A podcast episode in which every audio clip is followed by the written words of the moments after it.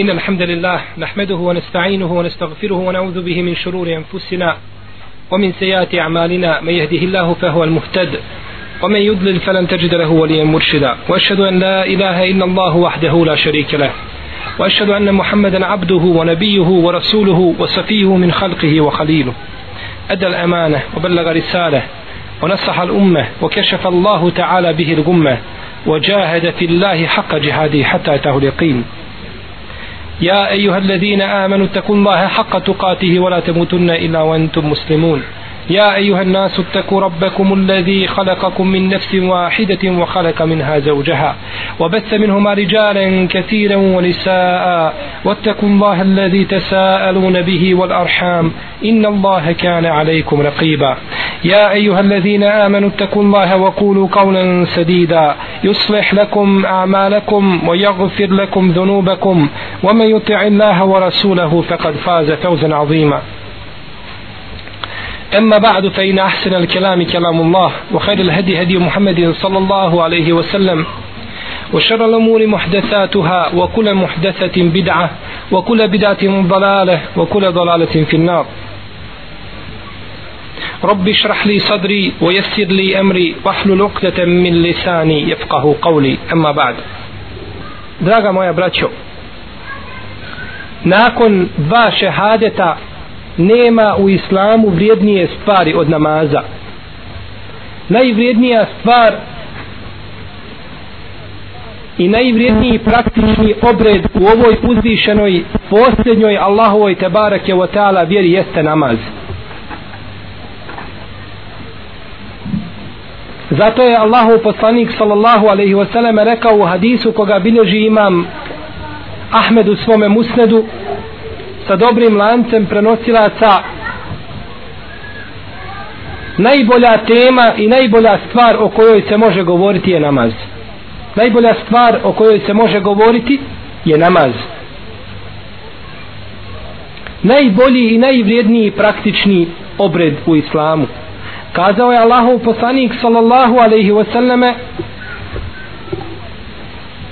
ra'sul emri al islam وعموده الصلاة وذروة سنامه الجهاد في سبيل الله Islam je temelj svega. Islam je glavna i najvažnija stvar. A stub, is, a stub Islama je namaz na namazu braćo sve počiva. Na namazu počiva islam. Na namazu počiva islam. Može li jedna stvar da opstane bez svojih temelja? Bez stuba bez svoje osovine. Ne može da postoji. Tako i islam. Ne može islam postojati bez bez namaza. Kazao je Allahov poslanik sallallahu alaihi wasallame u predaji koju bilježi imam Tabarani u Mođemu Leusatu i Dijal Makdisi i drugi sa ispravnim lancem prenosilaca prvo zašto će čovjek biti pitan na sudnjem danu je namaz? Evvalu ma yuhasabu alaihi l'abdu jeumel qiyameti es sala prvo zašto će čovjek biti pitan? Prvo pitanje namaz. Fe in saluhat saluha sa'iru amelihi. Ako bude namaz ispravan bit će ispravna i ostala djela. Wa in fesede fesede sa'iru amelihi a ako bude taj namaz pokvaren ni druga mu djela neće biti primljena. Ovdje braćo je jako bitno da obratimo pažnju na kontekst ovoga hadisa. Poslanik sallallahu alaihi wasallam kaže čiji namaz bude ispravan Znači čovjek klanja braćo namaz. Nije onaj koji je ostavio. O tome se ne priča. O tome se u islamu nikako ne priča. Priča se o onome koji klanja, ali ne klanja kako treba.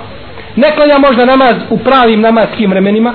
Ili kada klanja, klanja brzo, pa ne uputpunjava ni ruku, ni sečde i tako dalje, obavlja namaz na nepropisan način. To je taj čiji namaz nije ispravan. Ne možemo mi kazati da čovjeka koji ne klanja njegov namaz nije ispravan. Pa on nikako ne klanja. On nema namaza u biti. U osnovi nema namaza. Namaz neispravan može biti samo onoga čovjeka koji klanja na nepropisan na nepropisan način samo namaz takvog može biti neispravan ovdje kaže poslanik sallallahu alaihi wasallam ako mu bude namaz neispravan brzo klanjom otišao bi na seždu samo dotaknuo svojim čelom i vratio se nazad kako kaže poslanik sallallahu alaihi wasallam kao pijetao koji kljuca zrnje. Tako ga poslanik alaihi sallatu alaihi wasallam poredi sa pijetom koji kljuca zrnje. Ne upotpunjava ni ruku ni srđde takvog je namaz neispravan. E takav bit će njegov namaz upropašten i sva druga njegova djela i takav će biti od stanovnika džehennema.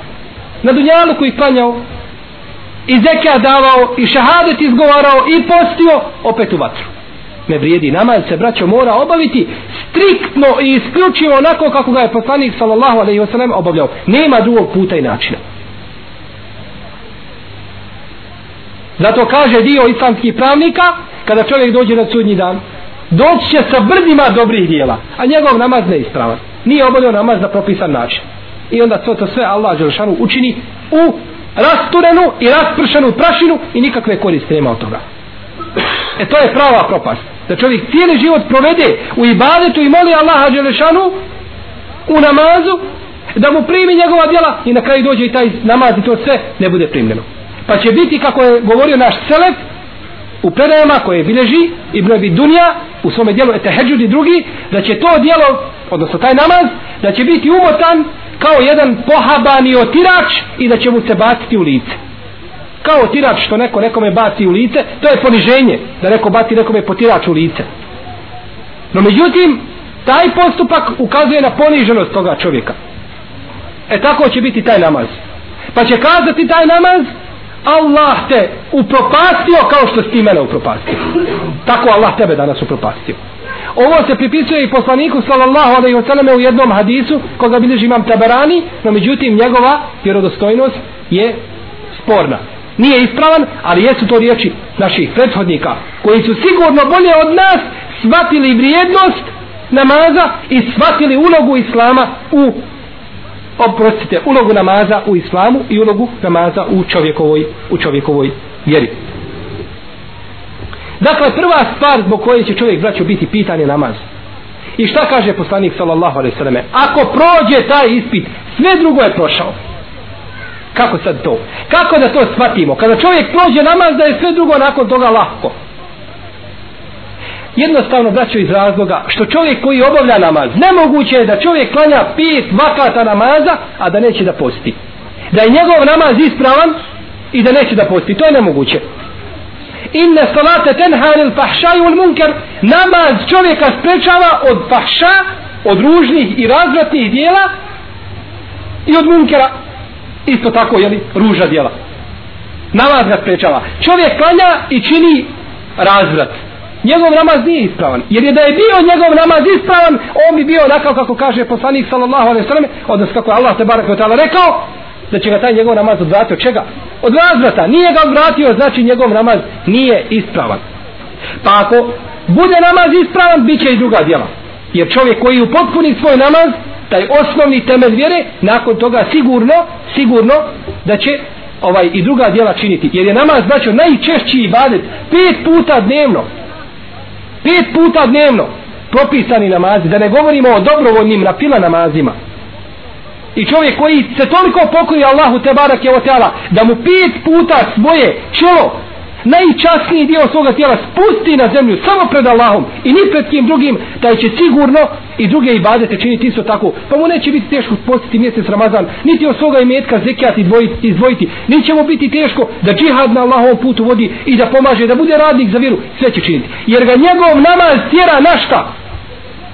Na činjenje dobra i na činjenje hajda Zato, draga moja braćo, obaveza je čovjeku kada poznaje vrijednosti i ulogu namaza da se zapita i da sam sebe obračuna prije nego što ga Allah Žešanu bude obračunao. Da li je njegov namaz onako kako je Allah te barek je propisao i kako je poslanik sallallahu alejhi ve selleme svojim sunnetom to to pojasnio.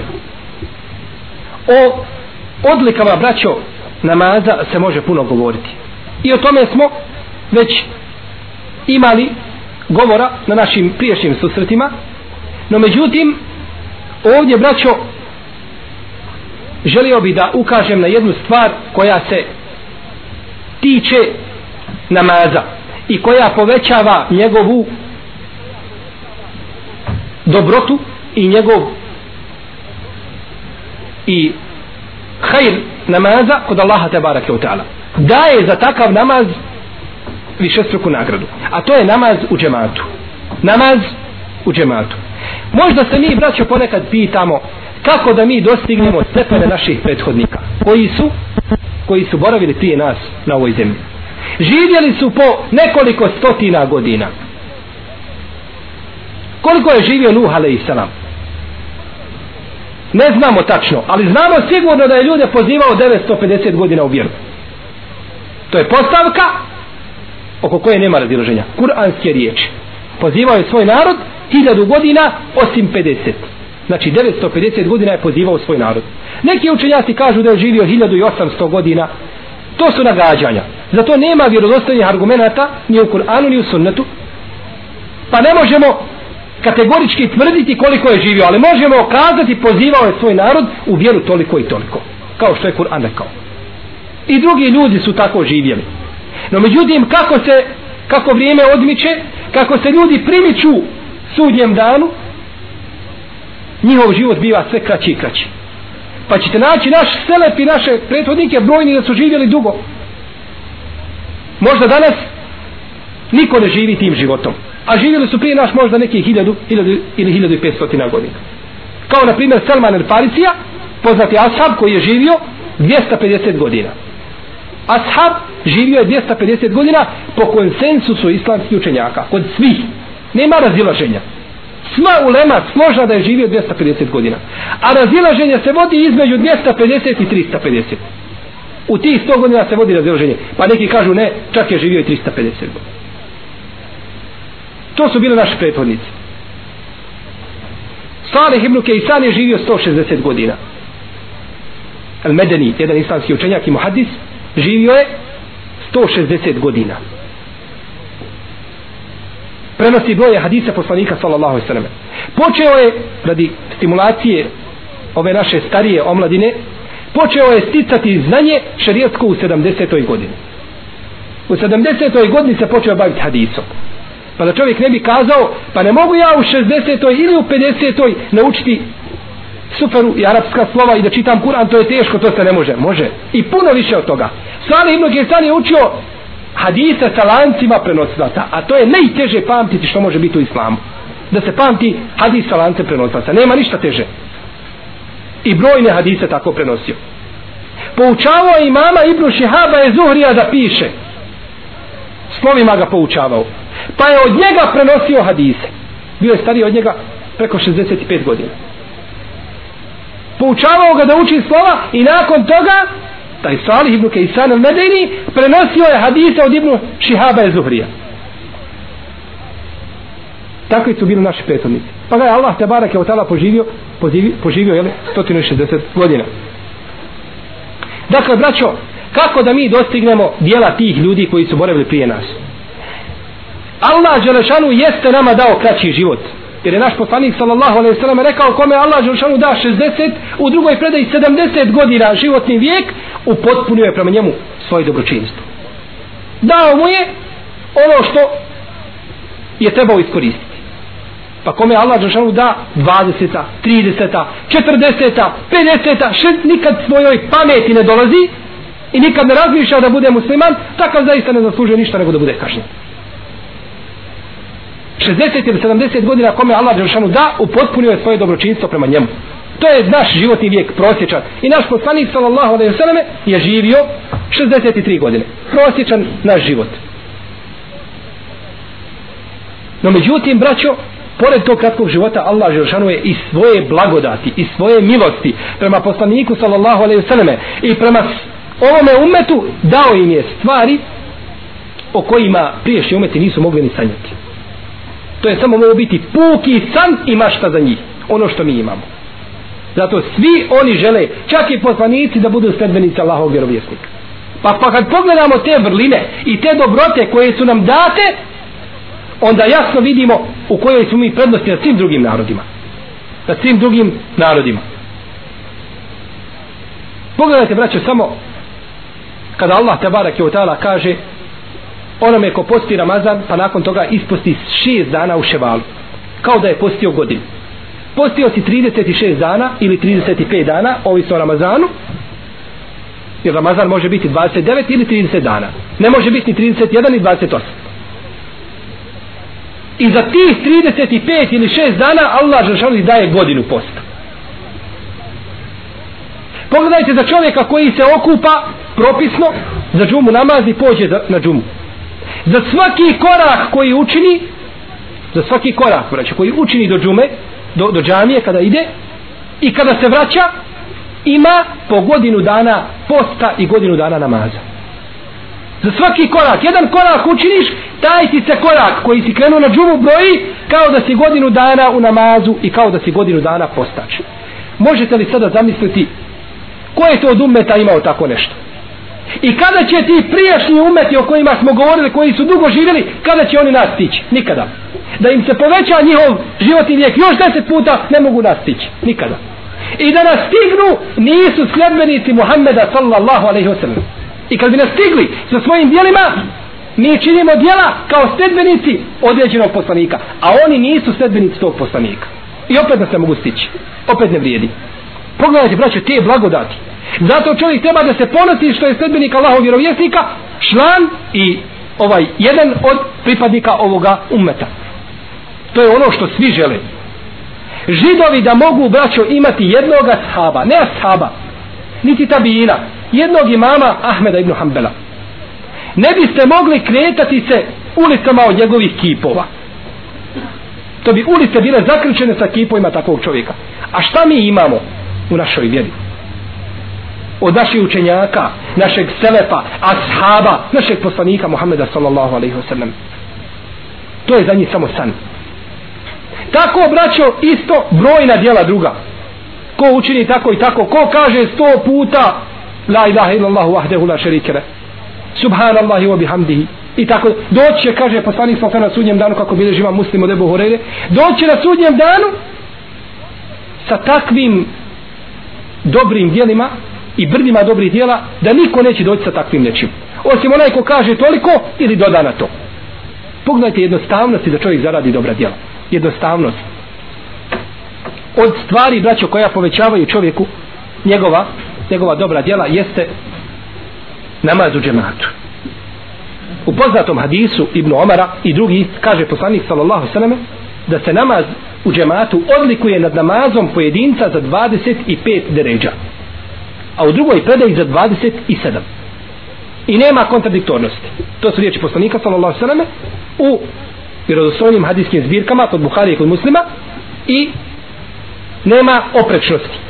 Jer onaj ko ima 27 on ima i 25 pa ono manje ulazi pod veće. Pa se tako slažu hadisi. I nema u njima oprečnosti. Obavite jedan namaz. Računa se to kod Allaha Želšanu 20 i 5 ili 27 namaza. Samo 27? Ne, nije tako mi Allah, više od toga. A doći ćemo ako Bog da do toga da vidimo. Kako se to računa i više od toga. E to je, braćo, Allahova milost koju nisu imali drugi ljudi. Koja nije bila ukazana drugim narodima. Imali su jedno dobro djelo, imaš dobro djelo. Jedno loše djelo, imaš jedno loše djelo. Jedan plus jedan su dva. Tako je bilo kod priješnjih naroda. Kod nas jedan plus jedan, sedam stotina i više od toga. Tako je u našem umetu tako je kod Allaha te barek utala kada nagrađuje svoje robove. Pogledajte samo u hadis Tebu Saida al-Hudrija koga je zabilježio imam Buhari u svome sahihu. Da je poslanik sallallahu alaihi wasallam rekao el hasanetu bi ašri emsaliha ila seba mijati dhaf jedno dobro djelo se nagrađuje kao deset dobrih dijela. Jedno dobro dijelo koje učiniš kao deset dobrih dijela. Kao deset takvih da si učinio. Do sedam stotina puta. Od deset do sedam stotina puta. Kako Allah Želšanu želi. O sejetu bi misliha. A jedno ružno dijelo se nagrađuje samo jedno ružno dijelo. Čovjek koji učini jedno ružno dijelo kao da je učinio jedno ružno dijelo. Nema deset niti sedam stotina ružni. Pogledajte, braćo Allahove milosti. Učiniš dobro djelo, Allah te nagradi za njega deset puta. Do sedam stotina puta koliko hoće. A kada učiniš jedno loše, Allah te kazni za to jedno loše. Tako samo ne. U hadisu, da li je ovo nastav koga hadisa? Kaže poslanik sallallahu alaihi wa sallam illa en je teđavoze illa en je teđavoze Allahu anha. Osim ako ga Allah u potpunosti ne oprosti. Kazni ćete ako ti ne oprosti. Kakva je to milost Allaha Đelešanu? Za dobro djelo, toliko i toliko. A za loše, po pravdi, ako ga Allah već ne oprosti. Bila bi potpuna pravda, braću, da Allah Žešanu kaže i za loše djelo isto tako. Deset loših djela do sedam stotina puta. Jer je dao, u dobrim djelima je dao više. No, međutim, to je Allahova milost. To je ono što poslanik sallallahu alaihi wa sallam kaže, Allah je napisao knjigu i ostavio je kod sebe iznad arša. I u njoj piše, inna rahmeti sebeqat gadabi moja milost je pretekla i prestigla moju sržbu moja milost je prestigla moju sržbu. I zato braću džennetski vrata ima koliko? Osam. Džehennemski? Sedam. Ne da Allah želšanu da njegova sržba pređe njegovu milost. Uvijek je njegova milost a zevođel veća. U hadisu Ibn Abbasa stoji da je poslanik sallallahu alejhi ve sellem rekao koji je kod Buhari i kod Muslima svakako Allah dželešanu je popisao dobra i loša djela. Ko odluči da učini jedno dobro djelo pa ga ne učini Allah će mu upisati jedno dobro djelo. Odlučiš da učiniš jedno djelo na nijetiš da ga učiniš pa ga ne učiniš. Iz ovoga ili onoga razloga Allah ti upiše to djelo. Naravno nije da ga čovjek namjerno ne učini, neće da ga učini, nego bi, biva spriječen u tome, Allah mu upiše jedno dobro djelo. A ako na nije ti to djelo, pa ga učini, Allah mu kod njega piše deset dobrih djela. Samo to ne. Do sedam stotina puta samo to ne. Koliko hoće još više od toga? Tako došlo kod, u hadisu kod Buhari kod Muslima učiniš dobro djelo, Allah ti upiše deset dobri djela, do sedam stotina puta i abafin kefira, koliko Allah hoće mimo toga daje. Koliko hiljada i miliona Allah zna koliko upisuje. To je braćo Allahova milost. Pogledajte kako je Allah Đeršanu milostiv prema nama. Kada bismo mi bili samo jedan mali dio milostivi prema sebi samima, kao što je Allah Đeršanu milostivi prema nama, sigurno bi naše stanje bilo drugačije promijenilo bi se naše stanje za 180 stepeni. Jer Allah nama hoće dobro. A mi u mnogo puta ne želimo da uzmemo to dobro koje nam daje. Za jedan harp iz Kur'ana, kad proučiš jedan harp, deset dobrih dijela. Kažeš, eli pla mim 30 hasanata, 30 dobrih dijela. Pa dođeš na sudnji dan, sve što očima možeš pregledati okolo sebe, lijevo, desno, napred, straga, iznad tebe, sve dobra dijela. Sve učenjem Kur'ana. Deset dobrih dijela. djela? Znate, braćo, što znači jedno djelo? Da čovjek da sedaku toliko i toliko. Pa koliko može puta to dnevno da da? Jedan put, dva put, tri put? Neće nakon toga više moći. Uči Kur'an Allahov robe. Pa to za svaki harti je dobro, dobro djelo. Prouči jednu suru koja ima dvije, tri stranice. Pogledaj koliko ona ima hartova pa izbroj. Po jedno dobro djelo. Pa Allah može za to dobro da decu. Pa može sedam stotina, pa može koliko želi mimo toga. Kakva su to brda dobrih dijela samo ih treba iskoristiti to je na dlanu ponuđeno samo to treba uzeti i umnožiti to kaže poslanik sallallahu alaihi wasallam u hadisu koga poslušajte braće ovaj hadis. Poslušajte ovaj hadis koga bi čovjek trebao imati stalno na svome umu. Kaže kada čovjek kaže poslanik sallallahu alaihi selleme, kada čovjek uradi jedno do, dobro djelo Allah kaže to djelo uzme u svoju ruku.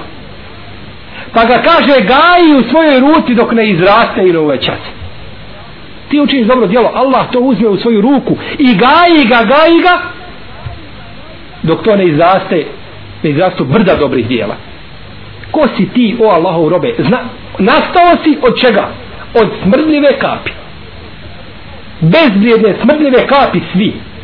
Kao jedan. Od toga si nastao. Nikakve vrijednosti nemaš. U sebi nečist nosiš. U kaburu ćeš završiti da te crvi jedu. I Allah opet uzima to tvoje i gaji ga tebi. Ko si ti? Pogledajte braću milosti Allahove te barak je ta. Daje čovjeku znači i preko sedam stotina dobrih dobrih dijela za jedno učinjeno. Zato su braćo ashabi poslanika sallallahu alaihi wasallame najbolje su razumjeli ove hadise. A kako da i najbolja generacija da to ne razumije? Koji su bili u vrijeme spuštanja objave i boravili uz Allahovog vjerovjesnika sallallahu alaihi wasallam kaže Ibn Mas'ud radijallahu anhu u predaji koji je zabilježio ima muslim u svome sahihu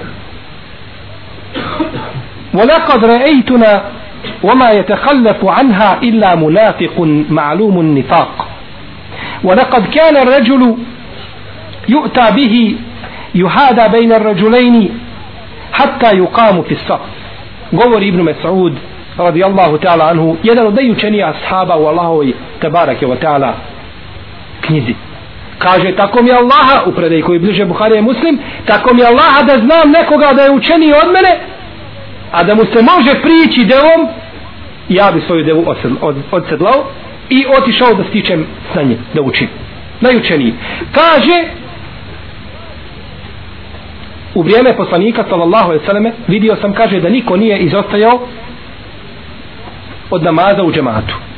Osim munafik munafik licemjer čiji je nipak bio opće poznat kod sviju. Samo su oni izostajali. Znači izostajali su iza sabaha i jacije jer su to dva najteža namaza za munafika kako kaže poslanik sallallahu alejhi ve selleme u hadisu koga bilježe Buhari Muslim. Kaže da su iza namaza u džematu ovdje se misli na sabah i na jaciju izostajali samo munafici čiji je nifak ili cemjerstvo bilo opće poznato među svim ashabima kaže dalje Ibn Mesaud u drugom jednom rivajetu inna Allahe šara ali nebijikum sunan al huda wa inna hunna min sunan al huda ولو أنكم صليتم في بيوتكم لتركتم سنة نبيكم ولو تركتم سنة نبيكم لضللتم kaže Allah te barake wa ta'ala je propisao vašem poslaniku sunnet hidajeta i upute a u istinu namaz u džematu je jedan od tih sunena od te prakse. Ako budete klanjali u svojim kućama ostavit ćete sunnet poslanika sallallahu alaihi wasallam. On se braćo ne misli na sunnet da je to propis sunneta nego on se misli na sunnet jer sunnet u arapskom jeziku znači praksa. To misli, da misli se na praksu poslanika sallallahu alaihi wasallam pa praksa može biti može biti farz, vađib, može biti sunnet, može biti a, a, mendub, može biti jeli, a, mubah i tako dalje.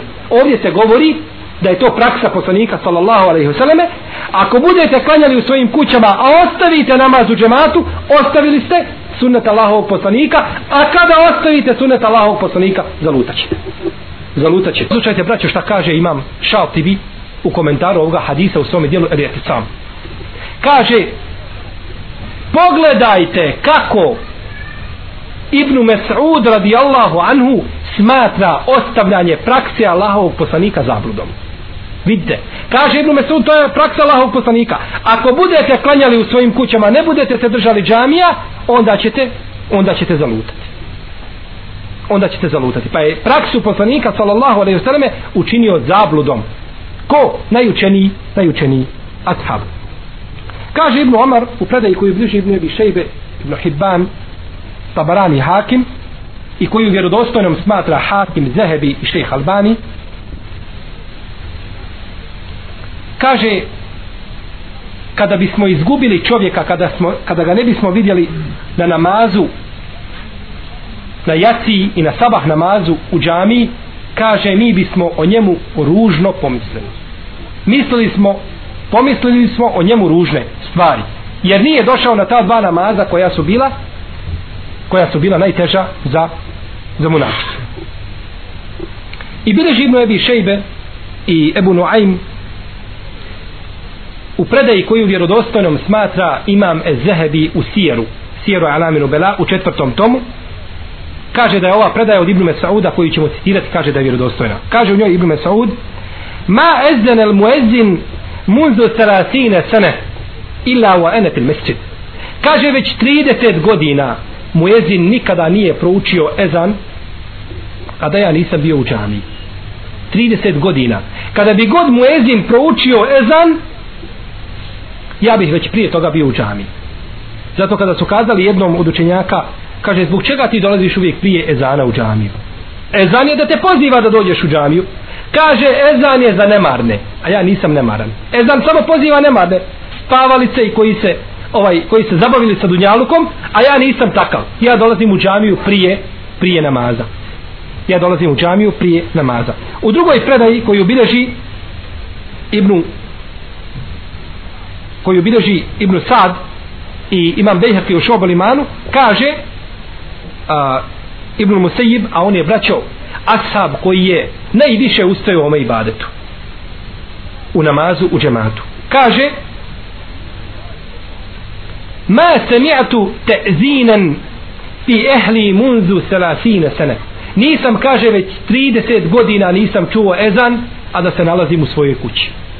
Nikada nisam bio u svojoj kući, to jeste, vraćamo se opet na ovu prvu predaju, bio sam, jeli bio sam u džamiji.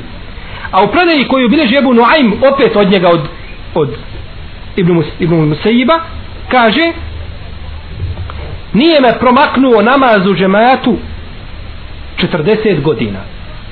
40 godina nikad nisam klanjao osim u džematu. Niti sam gledao u ljudske vratove. To jeste, bio sam uvijek u prvom satu. Nisam bio u drugom pa da gledam nekoga ispred mene. Uvijek 40 godina.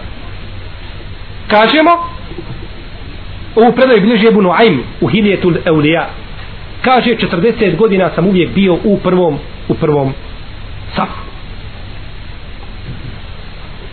I bilježi Ibnu Sad u Tabakatul Kubra da je muezin halife Omara ibn Abdul Aziza jednog pravednog, petog pravednog halife kada bi polazio u džamiju da uči jezan prolazio bi pored halifine kuće pa bi mu nazvao selam pa kaže ovaj ravija hadisa kada bi mu nazvao selam istog momenta Omer ibn Abdulaziz, bi uzeo svoju odjeću i izišao na namaz sa, sa svojim muezinom. Halifa, halifa izlazi na namaz sa muezinom. Zato, braćo, halife i učeni ljudi moraju biti predvodnici, moraju uvijek biti prvi. Moraju svojim primjerom pokazati ljudima islam i vjeru. Jer ako oni to ne pokažu praktično i svojim primjerom, ko će im to pokazati? Muđahid na Allahovom putu, vođa, koji je predvodnik jedne jedinice, mora biti uvijek prvi. Ne može biti u pozadini. ovdje kažemo izlazio je na namaz zajedno sa svojim mujezinom. U ovoj predaji se kaže izlazio je na namaz prije no što ovaj dovrši selam. Doga da, čuje da kaže estelam odmah se dignuo i već krenuo sa njim. Istog momenta. Istog momenta se odazvao mujezinu na njegov selam prije samog prije samog ezana. Bileži Ibnul Mubarek u svome dijelu Ez-Zuhd sa ispravnim lancem prenosilaca od Adija ibn Hatima, onoga poznatoga sahaba, da je rekao Ma dehale vaktu sala ili ma dehale vaktu salatin kattu hatta eštaku ili hatta eštaka ilaiha. Nikada, kaže, nije ušlo jedno namasko vrijeme a da ja već prije toga nisam se poželio namaza. Prije nego što dođe i bilo koje namasko vrijeme ja sam se već poželio tog namaza dok završim jedan namaz već se poželio drugog kad će doći taj namaz? Ne mogu ga dočekati. E to je braćo pravi iman. I to je pravi sidk i to je pravo obavljanje namaza. Da čovjek se poželi namaza. Kad stoji u namazu na četvrtom rekiatu da mu je žao što se taj namaz završava. Jer izlazi tada više nije u namazu. A u drugoj predaji kaže koju bilježi El Hatib El Bagdadi u svojoj povijesti kaže Adi ibn Hatim kaže otkako sam primio islam nikada nije zaučen ezan a da ja nisam bio već pod abdestom. Uvijek sam bio pod abdestom prije prije ezana. I prenosi opet Abdullah ibn Mubarek u svome dijelu Ezuhd od Abdurrahmana ibn Aufa. Kaže da je klanjao prije podne dugo da bi dugo prije podne namaza klanjao. Kada bi čuo muezina da je izgovorio Allahu Ekbar odmah bih pokupio svoju odjeću i žurno hitro izišao izišao na namaz. Kada se oženio El Haris ibn Hassan došao je ujutru na sabah namaz. Prvo večer se oženio i došao ujutru na sabah namaz. Kada su ga vidjeli na sabah namazu kazali su mu njegovi prijatelji ti si ovo veče boravio sa svojom mladom sa svojom suprugom prvi put i dolaziš na sabah namaz. Pa kaže tako mi Allaha žena koja brani meni da dolazim u džamiju na sabah. To je kaže ružna žena. To je pokvarena žena. Bože me sačuvaju takve žene. Da mi može zabraniti da dolazim u džamiju. Zato su braćo prethodnici su naši osjećali veće zadovoljstvo u ibadetu nego u svojim šehvetama i svojim prohtjevima prenosi se od brojni da su kazali draže mi je kaže izići na Allahovom putu u borbu, u džihad i boriti se na Allahovom putu. To nije, iba, to nije namaz braćo. Džihad je nešto posebno što čovjek može znati samo kad ga okusi drugačije sve ostaje na priči. Kaže tako mi Allah kaže draže mi je izići kaže u džihad na Allahovom putu nego provesti prvo veče sa djevicom koja će mi to veče zatrudnjati i roditi mi sina. Draže mi je kaže izići u jedan pohod na Allahovom putu. Znači davali su prednosti badetu i Allahovom došanu zadovoljstvu nad vlastitim nad vlastitim prohtjevima. I to gdje? u najtežem izazovu. Danas u arapskom svijetu kada se čovjek oženi sedam dana ne dolazi u džamiju. U mnogim mjestima sedam dana ne izlazi u džamiju kaže oženio se pa sedam dana ne izlazi u džamiju Allah ga počastio ženom i svoju mu dobrotu dao i on u tu dobrotu odgovara Allahu čime? nepokornošću baš tako Allah ti dao ženu vjernicu, muslimanku, mu'minku i ti kažeš Allah da to, zato što si mi dao ovu ženu moju vjernicu ja ti neću dovesti sedam dana u džematu džamiju. E, to je odgovor. Sedam dana čovjek boravi pored svoje žene kada ima dvije žene, pa oženi drugu ženu, koja je nije djevica, ima pravo da boravi kod nje tri dana. A ako je djevica sedam dana, sedam dana, neće ići kod one prve, nego boravi kod ove druge. Jeli, tri dana ako nije djevica, a sedam dana ako je djevica. Pa su oni izgleda pomiješali između čega? između djevice i namaza u džematu. Pa kažu, ne izlazi na namaz u džematu. A ispravno je da čovjek prvo jutro, nakon toga mora izići da obavi namaz, da mora obaviti namaz jeli, u džematu. Pogledajte, draga moja braćo, u vrijednost namaza u džematu od samog poziva. Od samog poziva. Kaže uzvišenje Allah te barake wa ta'ala ومن أحسن قولا ممن دعا إلى الله وعمل صالحا وقال إنني من المسلمين a ko ljepše poziva, a ko lepše govori od onoga koji Allahu poziva? I radi dobra djela i kaže ja sam musliman. Vidite braćo, ako ljepše? Kako kontekst ajeta, ako ljepše? Nije Allah Đelšanu ljep kazao najljepše govori onaj koji po... ne, a ko ljepše, ko je taj? Ima li toga, nema ga. Tako se kaže u ajetu, to je odgovor. Ko je taj, znači nema ga, gotovo. Ko je taj? Koji lepše govori od onoga koji Allahu poziva. Koji Allahu poziva. Samo to poziva Allahu. U amila salihan i radi dobra djela. Ja govorim i pozivam ali i radim. Ne može biti da ja jedno govorim, a da drugo radim. Ja ejuha alladine amenu lime tekulune ma la tefalun kebure makten inda Allahi en tekulu mala tefalun. O vjernici zašto jedno govorite, a drugo radite. To je kod Allaha veliko da tako činite. Jedno govoriti, a drugo raditi je gore nego ne govoriti ne raditi. Jer je to očita kontradiktornost u čovjekovom imanu. To je vidlice mjerstva a ko ljepše govori od onoga koji Allahu poziva i radi dobra djela وقال انني من المسلمين i kaže ja sam musliman. Izgovori šehadet. I diči se i ponosi se s tim ja sam musliman. Podignute glave sa svojim islamom i svojim hijabom i svojom bradom. Ne stidim se nikoga toga. To je moja vjera i to je moj din. Ako se budem toga stidio pa bolje mi je da budem u zemaljskoj utrobi nego na njenoj površini. I kaže ja sam musliman. Kaže dio Selefa, braće u komentaru ovoga ajeta, da se ovaj ajet odnosi na mujezine. Ko ljepše govori od onoga koji Allahu poziva. A šta mujezin kaže? Hajjale sala, dođite na namaz, a ja poziva ljude Allahu Đelešanu. Kažu to se odnosi na, na mujezine. Braćo hadisi koji govore o vrijednosti ezana su brojni. Nalaze se u najvjerodostojnijim hadijskim zbirkama, potom u sunenima, musnedima, meađimima i tako dalje. Spomenut ćemo neke od njih. U muslimovom sahihu se bileži da će mu jezini na sudnjem danu imati najduže vratove. Tako će biti poznavani. Da će njihov vrat biti dug. I da će time biti znači ovaj a, izraženi na, i da ćete moći raspoznavati među drugim, među drugim ljudima. U jednom hadisu stoji da onaj ko od 12 godina uči ezan uzastopno da mu je garantovan džennet. 12 godina ako bude mu jezin da mu je garantovan džennet. No međutim, naravno, garantovan mu je džennet ako čini i druga djela. Ne znači to samo mu jezin, a kad dođe namasko vrijeme on se odmara, ne klanja.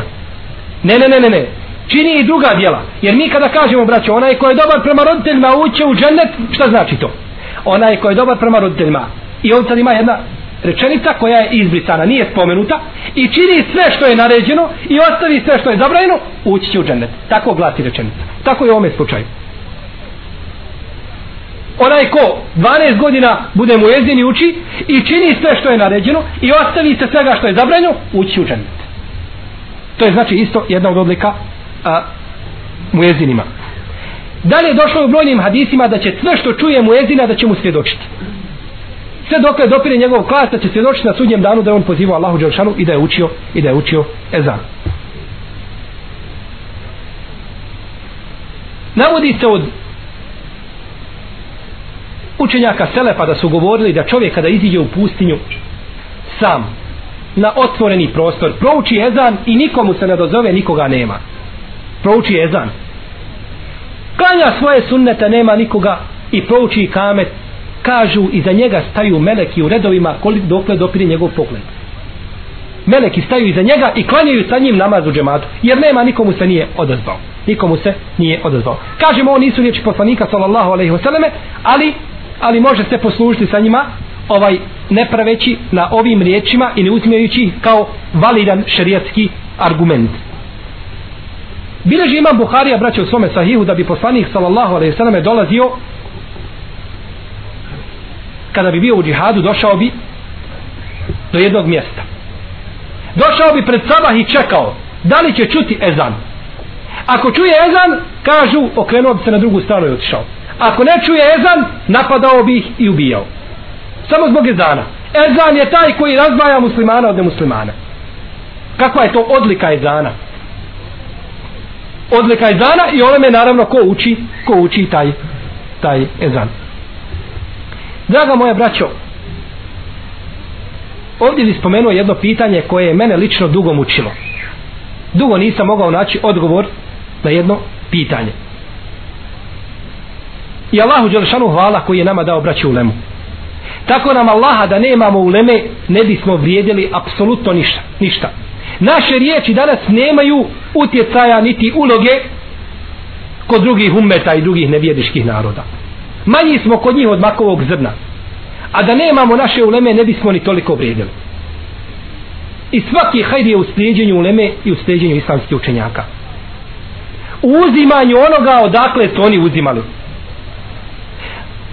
u svatanju šarijatsko pravnih dokaza kako su ih oni svatali jer ih mi nikada ne možemo shvatiti kao oni što su ih shvatili naročito naše prve generacije kaže mučilo me dugo pitanje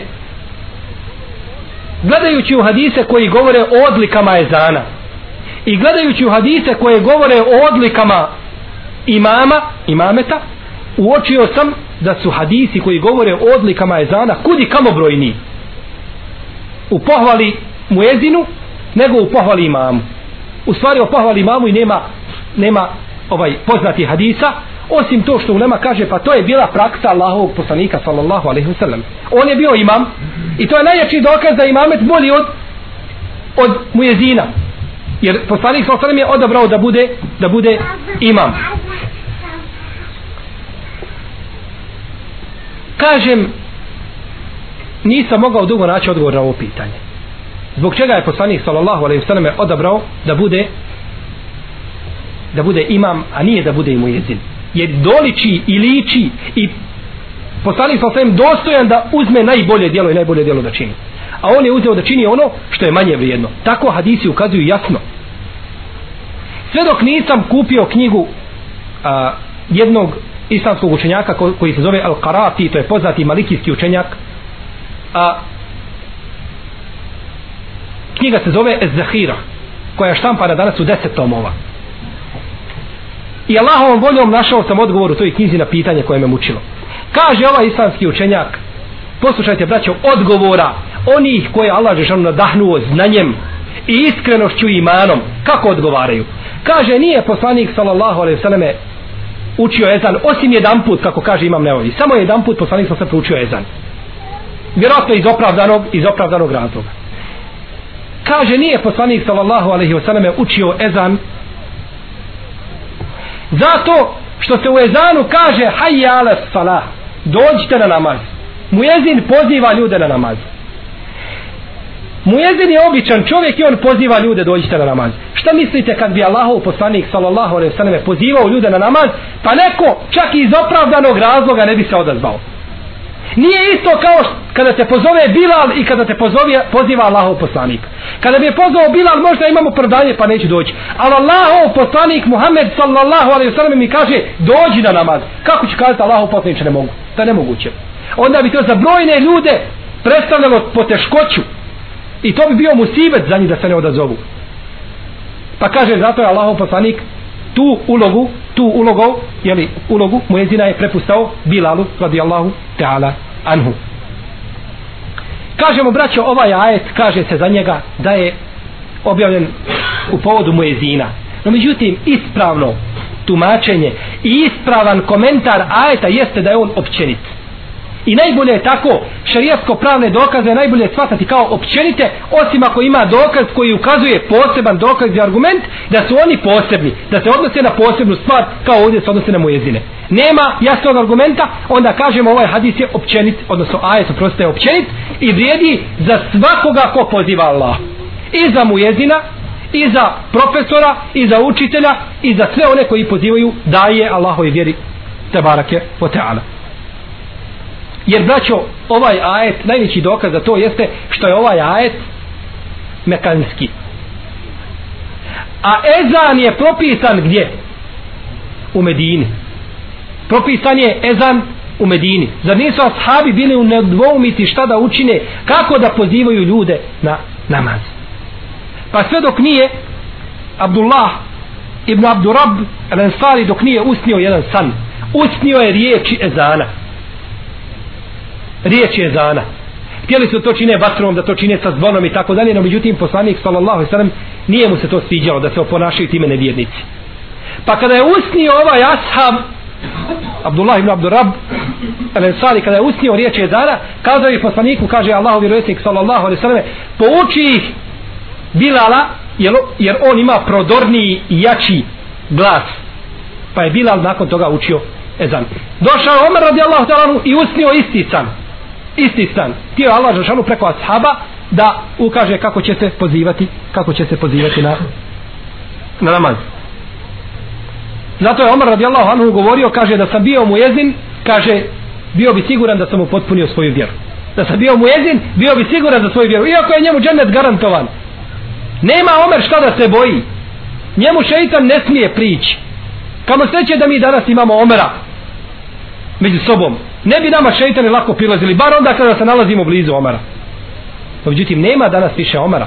Nema ni Ibnu Omara nema ni Hasana el Basrija nema našeg Selefa. Ali Allahu hvala koji je dao njegovom voljom da do nas dođe njihova praksa. Čista, nenatrunjena, očuvana imamo je pred sobom. Samo je treba praktikovati i ništa više od toga.